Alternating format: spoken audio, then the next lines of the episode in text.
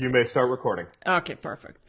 So this is the podcast that we do. It's on the media. Uh, it's called Metasty in English, and it's basically the conversations with people who know what they are talking.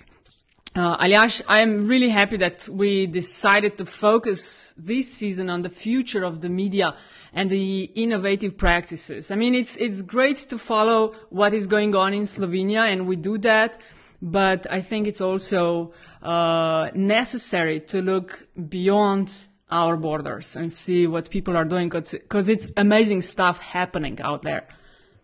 Oh, definitely. I mean, especially given the nature of the way things evolve in Slovenia, since we are, we're about some, somewhere within six months to three years behind the developments in, say, the US or the UK, things tend to gradually move towards Slovenia and then we gradually adopt them. I think it's uh, very smart of, of us to be to try to be ahead of the curve there. And we are getting at the heart of what's innovative in finding how the news or how the media might look in the future. What are the ways to go forward? So Ethan Zuckerman is our guest. Uh, Ethan, blogger, digital visionary and technologist, uh, director of the Center for Civic Media at MIT, and a principal research scientist at the MIT Media Lab. Uh, did I get the order right? Or would you prefer oh, something else being told first? it, it, it's it's just fine. Um, I, I think maybe the, the title that I'm proudest of is that I'm the co-founder of a group called Global Voices, um, which is a, a, media community. It's a community of uh, social media users and authors from around the world that tries to give a more global perspective on current events and uh, perceptions. We will definitely talk about that. There are so many things that we would like to talk with you about. Uh, what you do at the Center for Civic Media, uh, what uh, is this Global Voices, the project about, and how successful you are. Uh, your book as well, The Rewire, Digital Cosmopolitans in the Age of Connection. And maybe we might have some time to touch on the US elections. So sure. thanks so much. Thanks so much uh, for your time. Could you please uh, first describe to our listeners uh, what your jo- day job is like? What, what is that you do? Sure. So I took over a center that used to be called the Center for Future Civic Media. The first thing I did was throw out the word future. I think I'd rather work on the present than work too far in the future. It, it, it the future can make you very lazy if you're not careful. So better, better to work on, uh, inventing what we can do tomorrow than, than years in the future. But civic media is an interesting term and it took me a while to get my head around it. But what I mean by it now when I use it is that civic media is the use of media to try to make change in the world. So um, that might be making media as a journalist to help people as citizens, help people decide uh, what legislation to support or what politicians to support. But a lot of the time, it means making change as a citizen or an activist by making media and putting it out in the world and trying to make change that way. And one of the really interesting things about this moment in time is that it is so easy to make media and to put it out in the world. We're an example of this right now. We're using a Skype phone call. You're going to use something to publish an audio file. And at that point, we have just made the equivalent of a radio broadcast, despite the fact that we're not using all the infrastructures of radio whether people are making media through a Facebook post or, or through a Twitter update, all of that is media that could potentially have impact to change the world. And that's a radically different circumstance than in years past. Okay, so there are basically going to be two terms that we, I assume, will be talking a lot about. One is the civic media that you described, uh, and how do you tell us also how do you understand participatory media? So here's here is my distinction. Participatory media is media that people make, pe- media that people uh, take part in. So when newspapers had, and of course they still have, letters to the editor, that's a, a form of participatory media, even a limited one. Um, and participatory media for me includes any media that ordinary citizens, non-professionals are able to make. But we make lots of media that is not focused on social change or civic change. So if I tell you what I'm eating for breakfast here in the United States and I put that up on Twitter, that might be participatory media. It is participatory media. It's certainly not civic media. So civic media is really a subset of media that focuses on citizenship, that focuses on political change. And uh, at Center for Civic Media, and Aljaž, please jump in whenever you, you feel like uh, asking something. So Center for Civic Media is you are working on identifying the cultural and social uh, potential of media media change. What would you say that uh, what is that we need to change with the media? What is that you personally don't like, or what is that you miss? What change would you like to see?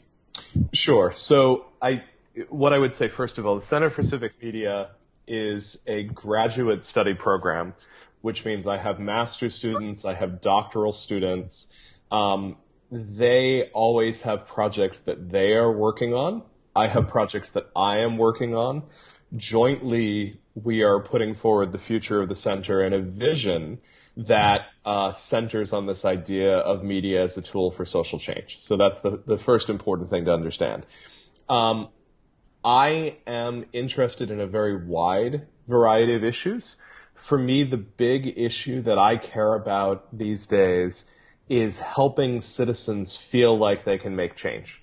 So the thing that I am really worried about is a future of democracy in the U.S. and everywhere else that, that, that democracy is the system of government, where citizens feel like they can't really have an impact. Uh, and this, I think, is very true for the United States right now. There, there's a feeling that we've somehow taken a wrong turn, and it's very difficult for an ordinary citizen to have impact on our government and our democracy. Um, so I'm very interested in figuring out how individuals can be more powerful civic actors. So some of my research focuses on building crowd reporting tools. Mm-hmm. These are tools like a platform we're building called Promise Tracker that allows groups of people to identify a problem in their city where the government has promised that they would have some sort of service and to identify jointly places where that service is falling short, build maps, build data sets, and use those data sets for advocacy.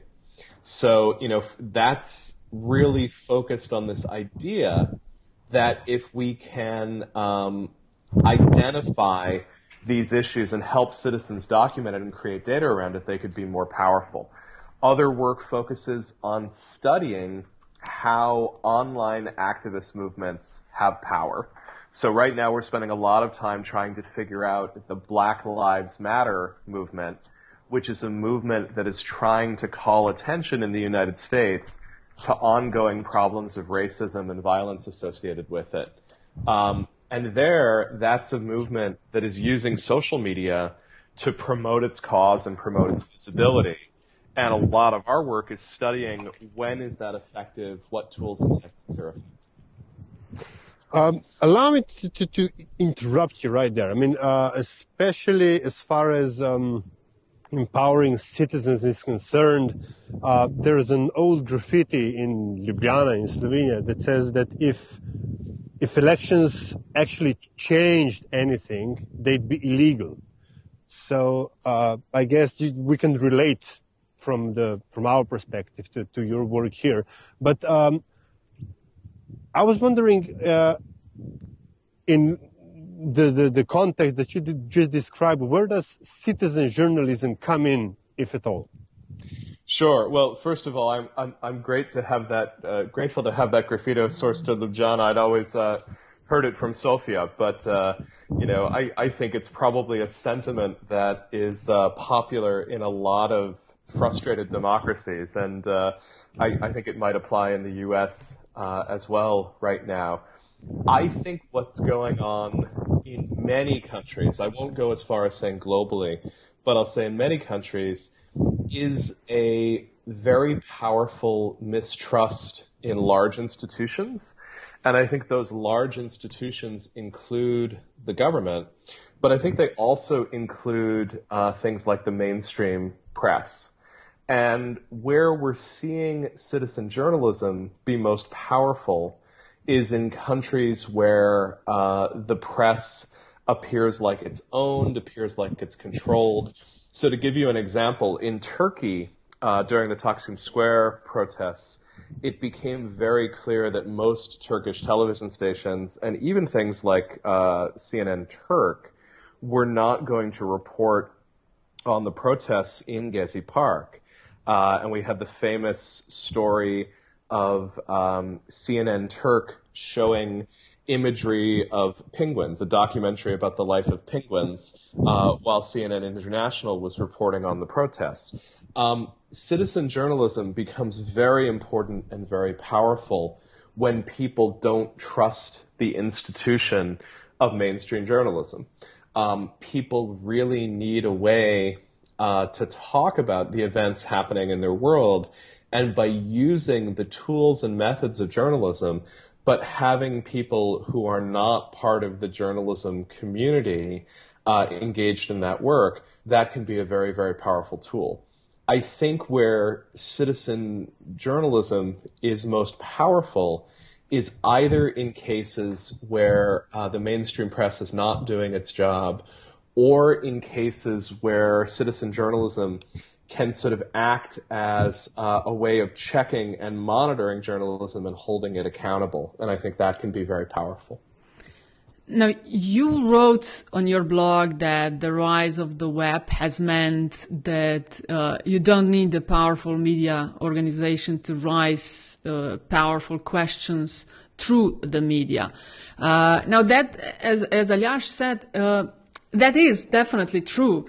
Uh, but I always wondered the ratio of turning words into action. Is it any higher, by your opinion, with all these technological inventions, or does the situation, even with the rise of the various technologies, stays basically the same? So, um, even though it's possible to make media uh, and put it out there in the world, mainstream journalism is still very, very powerful um, because it has a brand and it has an audience. So one of the things that, that I think many of us have found by studying the relationship between mainstream journalism and citizen journalism is that a lot of uh, the really important, really influential journalism is still being done by the mainstream press. Mm-hmm. Um, and as much as I'm interested and excited about citizen journalism, I'm interested and excited about it mostly in cases where there's no other good journalism going on in cases where um, the most important journalism is going on from professional journalism, I think it's critically important that we both maintain these old institutions while developing new ones. I think that um, there's a special power that citizen media can sometimes have, which is that it feels authentic and raw in a way that mainstream journalism doesn't always feel. I think people are very, very interested in that sort of first person eyewitness account. But of course, that first person eyewitness account doesn't always have context. It hasn't always been fact checked. Actually, one of the projects that we're going to be releasing this week at Center for Civic Media is called Deepstream. And you can actually get a preview of it at deepstream.tv. Uh, and actually, your podcast is, is the first group that I've told about this. Great. Um, hey, but Civ. Th- this is um, this is our way of trying to add context to live stream video. So normally, what happens is if you're a live streamer, you're out there with a camera, which might just be a mobile phone. You are sending a stream of video to the world. And many people don't have a sense for what's going on in that video. What are we looking at? Where is this? And so what, what DeepStream does is adds another person to the equation. You add a curator, and the curator's job is to add information, maybe a map, maybe a timeline, some sort of context about what's going on so that we don't just get that eyewitness account, we get some of the thoughtful context around it. Yeah. So I'm a huge fan of the power of citizen media, but I also believe that much of what we've learned over the years from traditional journalism is important and powerful, and that we shouldn't uh, throw it out. We should make sure that we're we're working on both these important ideas simultaneously. So, uh, sorry, Natasha, but uh, just to continue on this point, um, you mentioned fact checking or even vetting process of information as which has now turned into a usually when something big happens a torrent of tweets, Facebook posts, uh, what have you. I, I, mean, how is this fact, check, fact checking process challenged? Uh, I mean, fact checking process within the traditional media, who are now struggling to, you know, um, separate truth from fiction, from provocations, from actual reporting, uh, actual citizen journalism, if you will. Um, does the deep this deep stream service uh, sort of help this to the? I mean, is is this sort of a help for traditional media as well? Well, so deep stream is really um, about uh, just the experience of a live stream video and and adding more data to it so that it can be a better experience. And so it could absolutely be used by a mainstream newsroom, or it could be used by a citizen journalist. But this broader question that you're asking um, is is a question about a field that we call verification. And verification is basically this idea of okay, we have some digital media out here in the world. How do we know if it's real? How do we know if it's believable? Um, and there's a lot of people working on this from the perspective of saying, okay, can we find the original appearance of a piece of media? If we found the first appearance of a piece of media, um, that then uh, we would know where it came from. We would know the context that it came from.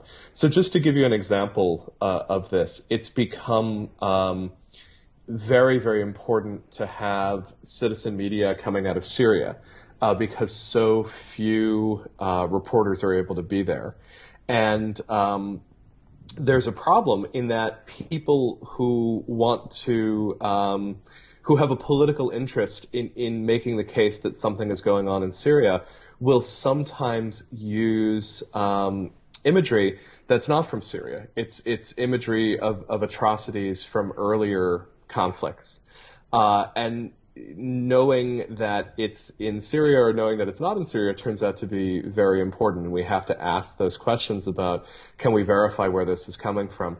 One of the projects at the MIT Media Lab, it's not from my lab, it's actually from my colleague Deb Roy, is looking at this question of could we look at an event that's now in the past? So he's looking at the uh, the marathon bombing in Boston could we look at that? Could we look at all of the uh, social media, in his case, Twitter, that was produced uh, during that bombing, and could we figure out in retrospect what parts of it ended up being true, what parts of it ended up being false? And based on that, could we somehow predict for the future? Now, I don't know if that's going to turn out to be realistic, uh, but it's really interesting. It's a really interesting experiment. And the interest in it points specifically uh, to this question of everybody wants to figure out how can we believe citizen media, what should we and what shouldn't we believe. It's totally needed what you talk about because I don't know if you're familiar, but Europe and uh, especially so also Slovenia currently has a lot of issues regarding and connected with uh, the migrants coming from yes. countries like Syria to Europe, and there is a Balkan way that goes through Slovenia, and you can imagine like it's like all sorts of videos and photos that do not tell do, that do not put things into perspective that do sure. not add the context not only that, there is sometimes there there uh, uh um, um, what's the expression? uh, they're um, counterfeit, not counterfeited. They're forged. They're faked. You know, they're, as you said, they're Yes. taken from another context. Somebody slaps the word Syria on there, and then everybody believes it. It goes viral in a second, etc., etc. So, um, but uh, uh, what I um, wanted to ask you, I mean, you mentioned, uh, I mean, your sentence was that how do we make or how do we decide whether citizen journalism or citizen produced content is believable? But you see, from the feedback that Natasha and I get, is that that's not the problem. The problem is that the mainstream media is not believable. Uh huh. Yeah. So who does believe whom, or who should be wary of the other party?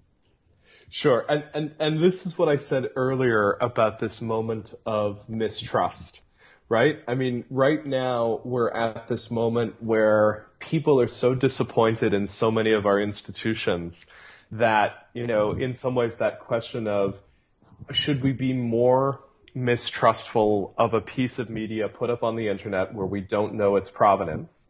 Or should we be more mistrustful of something coming out from a mainstream news organization? Um, that's a really hard question to deal with. Probably my favorite person on this question is Dan Gillmor, um, who wrote a book called We the Media, which was sort of the first case that that argued that you know we should take very seriously citizen media. We should take it maybe as seriously as we take mainstream media.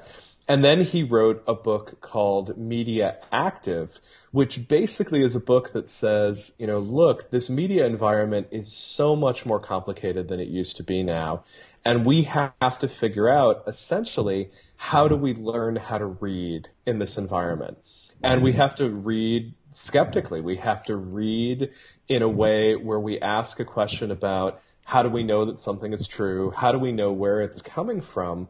Um, and and what's the information that would allow us to decide do we take this seriously or do we read it skeptically? Um, so I think what's happened is we're in a media environment that's so much richer than it used to be, and now we can sort of decide based on its richness. Um, you know, how are we going to uh, to, to figure out how, how to read it and, and, and what to take seriously? I don't think this is a bad moment. I actually think it's a moment that's making us much, much healthier in terms of uh, reading and understanding skeptically, whether we're, we're understanding citizen media or mainstream media skeptically. Now, some of what you do at, at your center is like uh, associated with it's like traditional journalism, uh, but you also move into radical new directions. Now, could you talk a little bit more about that radical new, uh, where the news is headed in the internet age? Sure. Well, you know, we do a very wide range of projects. Um, some of them go from, from the very, very mainstream. And an example of that might be that one of the projects coming out of my lab is uh, trying to help newspaper publishers um, keep their their visibility um, by when you open a new tab in your web browser, you get a photo from the newspaper reminding you that that that's a great place to get information, and that's quite mainstream. Um, but some of the stuff that that is more radical and is out there um, is some of the work that we're doing in Brazil, and what we're doing in Brazil is we've built a tool called Promise Tracker, and this allows people to um, pick an issue in their neighborhoods, um, hand a survey out to everybody on their mobile phone, and when they collect information, it goes into a joint map.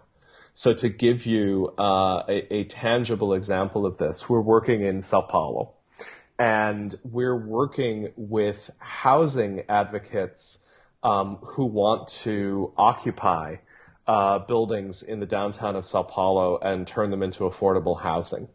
And so they are using our tool to identify buildings where uh, the city's police are being used to block access to the building. So these are abandoned buildings um, where there are people who want to occupy those buildings, and taxpayer money is being used to keep those buildings unoccupied. And so they're using our tool to develop a survey, and the survey basically says, where's the building? Um, how long has it been unoccupied if we know? Uh, document the police presence. So let's take photos and GPS readings, estimate how many stories, estimate how many apartments might be in there, and let's produce a comprehensive map of unoccupied um, but protected real estate in downtown Sao Paulo. And that becomes a tool that that group is able to use to advocate for changes in policy, to advocate for this idea that uh, protecting these buildings, protecting these landlords who aren't actually using the space uh, is a terrible use of land and a terrible injustice. Um, so that's a very interesting project. It's both um, sort of a citizen media project it's also potentially a journalistic project because that's information that we can now take, take that map and bring to local media and, and ask them to report on the information to sort of put it further out into the world. By developing these new tools, Ethan, uh, and techniques for either um, for civic engagement or for getting better news, uh, better involvement of citizens. Uh, who, what is your experience? Because you teach a class called News and Participatory Media also. What is your experience? Who is more eager to cooperate in a class like that is the journalists or the technologists? Sure. Well, news and participatory media is a, a really fun class. I've taught this now um, the four years that I've been at MIT. I'll teach it again this coming year. It's a class that usually brings together mid-career journalists, often very successful mid-career journalists. There's a couple of fellowships um, that allow very successful mid-career journalists to come spend a year at MIT or at Harvard and those students um, frequently will take that class. And then uh, there's a group of students who are sort of younger technologists from MIT, uh, and they come and take the class, and, and the two groups end up working together in teams. So you sort of merge digital immigrants with digital natives. Well, that's right, and and so there there's very different uh, motivations for the two. So for the MIT students, for the younger MIT students, they often have not taken seriously journalism before. They haven't thought about why it's powerful. They haven't thought about what makes it work. Um, and so having journalists who've broken really important stories, um, that's often very inspiring for them. The journalists uh, are really interested in this question of what can they do with these new tools. And in a world where you know being a journalist is a, is a much less certain career than it used to be, uh, what will mastery of these tools do for them? And so by bringing the two together, it's it's often very very successful. There's really interesting projects that that end up coming out of it. Um, so just two examples. One that came out last year was um, discovering that at MIT, the, the university that we're at, has a huge amount of funding uh, from the U.S. government, has a huge amount of funding from uh, oil companies, and all this information is available. It's just basically invisible. It's published in a single PDF file. And so what a group of journalists and a group of students did together was they actually built tools that allow people to visualize and, and see where the money is coming from uh, in a way that uh, really no one other than the administration has been able to see before. And this was very controversial. Obviously, the administration of the university was very nervous about having this information out, but we were able to point out that the information already existed. We just made it visible and findable uh, in a way that it hadn't been previously. Um, one of my favorite projects that's come out of this is a new platform called Fold. Uh, and you can see Fold. It's at fold.cm, F-O-L-D.cm. this is a new platform for telling very complicated stories.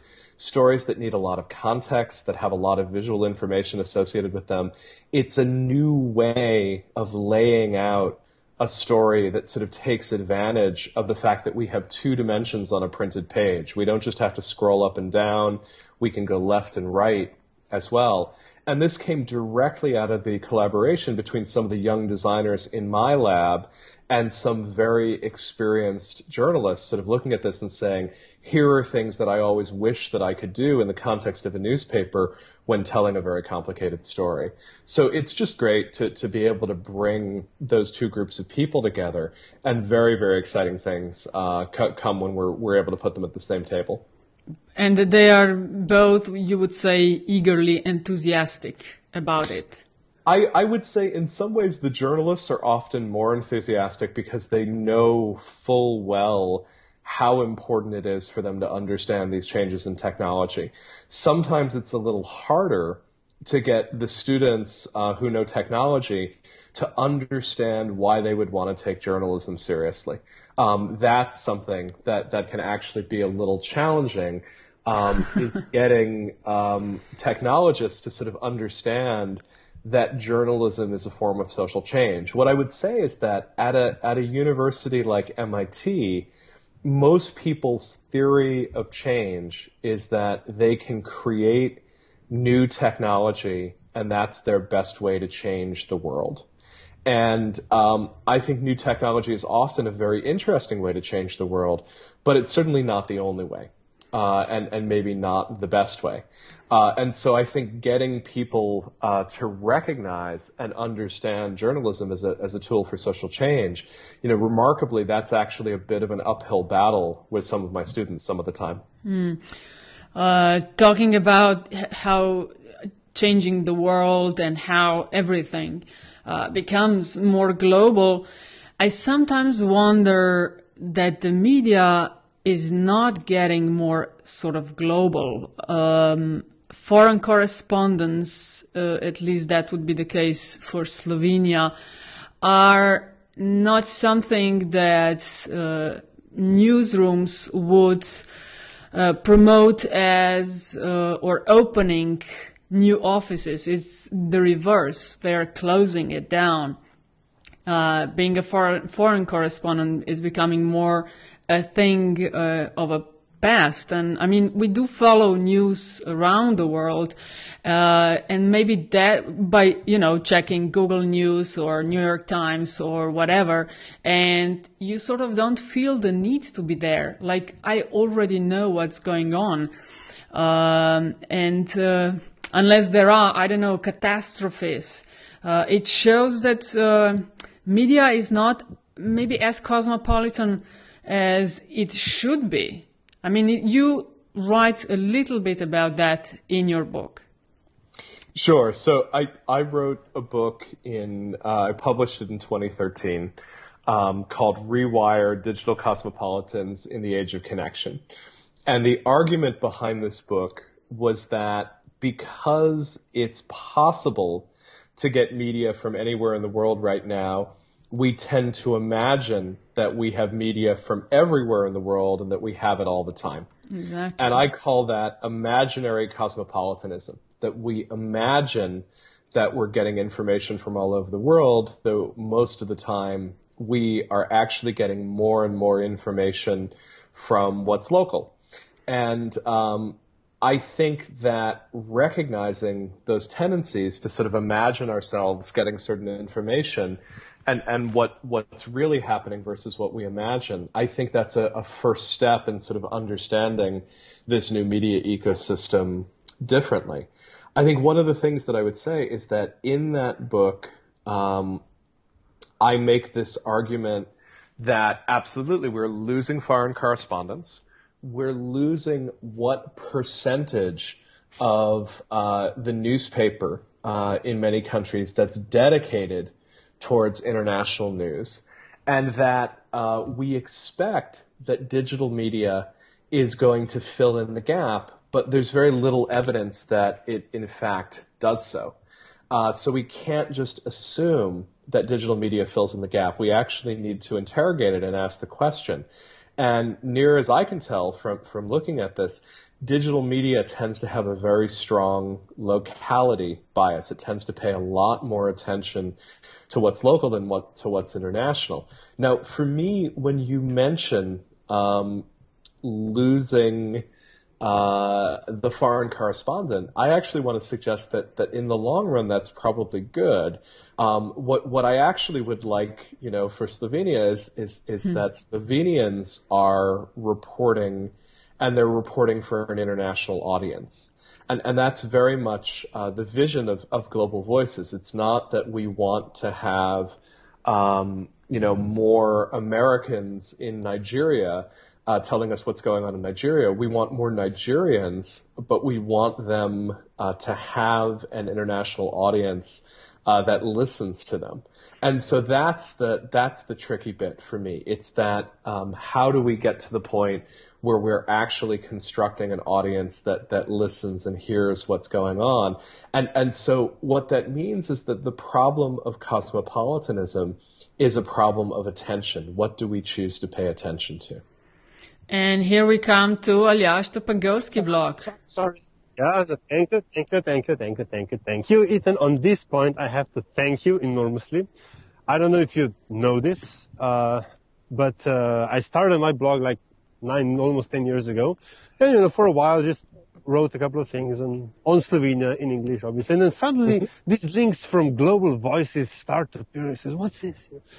And suddenly uh, traffic, there are traffic spikes and then people from another part of the world take interest in, in this uh, sorry little excuse for a country. Uh, could you repeat, could you repeat that? Because it was the, the line was sort of uh, really bad. I think Aljaž's line is maybe not as good as, as, as yours or mine, Natasha, but he he's asking this question about um, what happens when you have a blog that is looking for an international audience and then and then suddenly finds it and, and I'm so happy that we've been able to provide him with a little bit of this international attention through something like Global Voices. Unfortunately, I mean Global Voices is is itself quite a small project in a very good month, um, we might have a million uh, individual viewers of the site. And so if you have an individual blog about Slovenia and suddenly you have a million new people looking at that, that's very exciting and very big. But in comparison to the maybe 2 billion people who are online, you know, our 1 million is very, very small. And, and so where Global Voices, I think, has been a success is that we're now 11 years into this work. We've been able to um, build a, a, community of, you know, a huge number of people, about uh, a, a, thousand active volunteers um, in over a hundred countries and we've featured tens of thousands uh, of authors from around the world. The, the flip side is that we've never been as successful as we had hoped for in, in doing what I really wanted to do, which was to rewire the media, to get media to say, it's a problem if we're not paying attention to Slovenia and it's dangerous that we're going to miss stories from places where we don't have enough foreign correspondents and we aren't play, paying enough attention. That's the problem that I've long been trying to fix. Uh, and unfortunately just haven't uh, yet gotten the traction on. I just don't think we've been able to build the social movement that says it's critically important that we pay attention to all different corners of the world because in a world that's so interconnected, you never know where the next important story is coming from. Aljaž, sorry uh, for interrupting you, please. No, no, no, not a problem. Uh, I, I, was just going to ask you, I mean, um, having followed Global Voices as much as I did, um, luckily my family obligations prevent me from blogging too much lately. Um, where did Global Voices have the largest impact? At least not maybe country-wise, maybe continent-wise. Sure. I would say that the time that Global Voices was most important was during the Arab Spring. And we had a very unusual circumstance, um, which is that many of our reporters from Tunisia uh, were also involved with the fight uh, against Ben Ali. And so we were in this quite unique position. We were the first international news outlet to be reporting on the revolution in Tunisia. Um, but in an interesting way, we cheated uh, because some of our reporters were helping start the revolution in Tunisia. Um, and so we were in this very odd position where three days before Ben Ali fell, I wrote a post on my personal blog titled, What if Tunisia had a revolution and nobody noticed? There was so little coverage of the Tunisian protests in US media that we felt like something really exciting was going on, uh, but literally no one was seeing it when those protests moved over into Egypt, when they moved throughout the whole region, we were really blessed by the fact that we had very strong coverage coming from all over the Middle East. Uh, and our Middle East editor, a, a Bahraini woman named Amira Al Hussaini, uh, became this really critical resource for journalists around the world trying to understand on a deep level um, what what was going on and sort of how to how to put context uh, around all of these changes going on in the Middle East. So I'm I'm proud of, of many many things in our coverage. I'm I'm proud of lots of different things that we've done, but but I think uh, just in terms of sheer impact, probably the work in the Middle East uh, in 2011 is is is the very best we've done. And Ethan, how do you find these local voices? Well, um, it, it's it's very much uh, you, you, know the same way that we found Aljaž. We we have local bloggers who are paying attention to, to who is writing in that country, uh, and um, so I, I, follow Ghana very closely because I used to live there, uh, and so I start looking for who's linking to whom these days, I spend a lot of time on Twitter uh, to see who's who's tweeting out good posts. Uh, you start he- heading to things like blogger gatherings and meetups and meeting people, and then you start reading those people and you start sharing what they're saying uh, with a broader audience. Uh, and so we look for. It turns out it doesn't work to hire the most famous person in a country um, that person is almost always busy, and they often have uh, conflicts with other people in the in the blogging community. Um, it tends to be getting someone who is well connected, well respected, sort of well loved by everybody, and that seems to work um, very very well. So it, it's a model that that we've worked out over the course of uh, 11 years now and it's really finding that person who has really good connections uh, to everybody else within that community. Oh, well, you have some nice words about you. Oh, totally undeserved, totally undeserved. but thank you. Ethan, uh, I mean, your research focuses on the use of new media technologies by activists. Mm-hmm. Now, we have a case in Slovenia, as I mentioned before, with this migrant crisis. And uh, at Center for Civic Media, I mean, you try to go beyond news gathering and reporting and try to promote active citizenship. Uh, I would be interested to hear your opinion on the new Tumblr that emerged in Slovenia. It's called, uh, in English, Evil Slovenia. And it's sort of uh, compiling of uh, Facebook statuses of people, various people. I mean, some maybe are not even real people, just, you know, open uh, Facebook profile with extremely hateful messages about refugees uh, sort of trying to expose the haters. Now, would you say this is the way forward? Would you approve something like that? So here's where this gets very challenging. Um, the internet is an incredibly powerful tool, and we don't yet know who to point that powerful tool at. So, so the case for um, something like Evil Slovenia is, is that it shows us that there are these pervasive attitudes that I suspect that the, the two of you as Slovenians condemn and, and don't want to see, um, you know, representing uh, your country. On the flip side, the people who get called out in a Tumblr like that are individual private citizens they are probably speaking, they think, to a couple hundred people who may share their opinion. Um, and suddenly making those people globally famous or infamous um, can, can be a real overreaction in some ways. So I'm not sure that the way that the internet is often used for public shaming is particularly fair or helpful. On the other hand, being able to aggregate these things together and say, look, there's a problem going on here.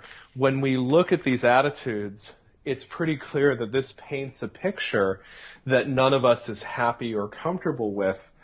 That seems important and powerful. So what, what I try to, to get my students to think about is, is how do we paint big pictures, but how do we do it in such a way that it's not focusing on shame on individuals? Because I think that that can be uh, a very unfair phenomenon to, to, to happen to individual people. Mm. And uh, sorry, just on the record, because uh, this Evil Slovenia Tumblr is at the moment quite a hot topic. Uh, and uh, I think it's fair that both me and Natasha take a position on it since we since we opened it, op- opened the issue uh, in this discussion. From my from my point of view, it's a, it's an unfair move, precisely uh, of what Ethan said, because these are private individuals, and Facebook as a platform is at least semi-private.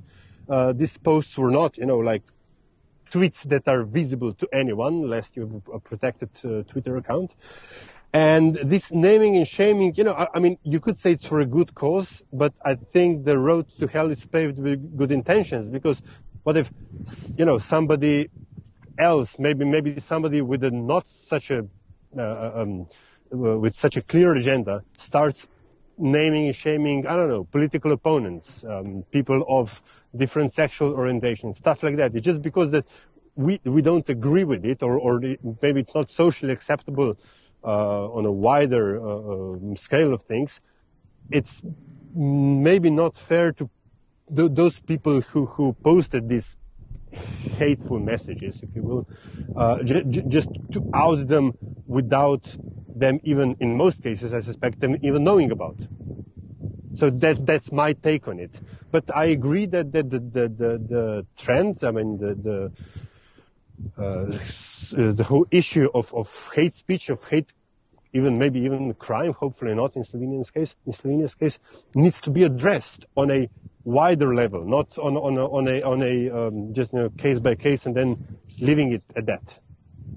Natasha, challenge to you? Um, well, I totally agree with, with your opinion and would add to that what Ethan is, is uh, writing in his book. I mean, the authors behind the site that we are talking about are trying to, are doing it to change the patterns. I mean, they would like to see the change, that people would change their opinions, that they would stop being so hateful and stuff like that. But as Ethan, you are writing in, in your book, it seems, and I've read some research into that, that the more you try to convince others who have strong opinions, the less successful you are. And what you write in your book is basically that yes, we, the society is getting more global or more open, but at the end of the day, uh, birds of a feather flock together. Yes, that's absolutely right. That that's a tendency that sociologists call homophily. Uh, and homophily is basically just a way of saying that people with the same ethnic background, people with the same religious belief, people with a lot socioeconomically in common uh, will tend to spend more time together. And what's been very interesting is that um, when you bring this into the online context, it is so easy in an online context to choose where to spend your time uh, that it actually seems to make homophily uh, even more powerful uh, and even more profound. And so, what I would say uh, on this is we just have to understand that technology doesn't automatically make uh, the world a more global place. It doesn't automatically level the playing field. Um, there are ways in which people can use technology to be more inclusive and more global. And so we have to take very seriously the fact that these tools are incredibly powerful. Um, you know, so for instance, when, when we look at uh, something like Tumblr and, and the way that it's being used in Slovenia, there's also lots of other hugely positive examples of where people are using uh, Tumblr and sort of aggregating information like that to challenge uh, the mainstream of, of, of how we look at public opinion. So I think what we just have to get very, very good about is sort of understanding that none of this is automatic. It's all about how we use the technology. It's all about our agendas in using the technology. And once we get smart and sort of conscious about that, we can then decide this is how I want to see the technology used like this and not like that. And then I just think the last thing is to remind everybody that um, this is so new. We are so early on in the development of these technologies. I know that we sort of feel like time is accelerating, uh, and that you know we've had social media for forever. Um, but for most of this, it's it's less than a generation. And we just, in many cases, have not figured out the social norms about what's going to be acceptable and what's going to be unacceptable around this technology. We all need to give each other a little bit of a break as we figure this out. So maybe this is a lousy way of using social media in Slovenia. Okay, that's fine. So let's make a decision that we're going to do this differently, and, and let's also make the decision to, to forgive each other uh, for how we're misusing it in the meantime. Oh, these are big words. Forgiving each other would be I nice. Don't I, just, I, don't know. I just use Tumblr to watch it porn. You know? well, that's that's another uh, hi- historical use of all the media uh, within yes. all of this. Yes. So. Um, maybe it's time for us then uh, to ask you. Thanks, Ethan, uh, for sharing with us uh, your knowledge. Uh, maybe time to ask for because we uh, every podcast we conclude with asking a guest of tell us something we don't know. Obviously, there are many things but uh, we are always interested to hear what a guest, uh, what sort of remark, a story, an anecdote a guest might have, uh, and thing that we should know about or we should know more about. Uh, so I wonder uh, what you sure. might uh, add to, to so, it. So, so I'll I'll give you one prediction um, for the future, which is that everybody is trying to figure out what social media is going to mean for politics, what it means for elections, what it means for, for politics as we know it. What I am starting to see all over the world is social media helping people mobilize, but outside of ordinary political parties. And so what I'm seeing is people mobilizing around social issues and particularly around consumer issues. So I was in Ghana about two months ago. It was really interesting to see people in Ghana mobilizing around access to electrical power. Um, many, many people in urban Ghana these days have power. The power is not reliable. Uh, and it's driving people nuts that the power keeps going on and off. And I've seen similar things in Nigeria. I've seen it around access to mobile phones in Myanmar.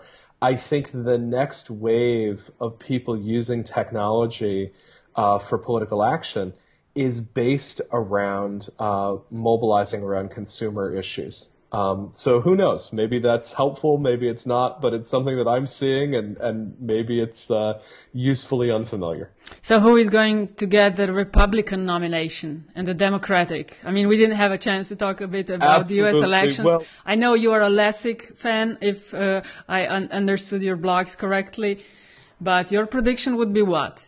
Well, I'm a Lessig friend, and, and it does make me a, a fan, although uh, I was more of a fan of Lessig when he was promising not to take office, but just to, to pass legislation.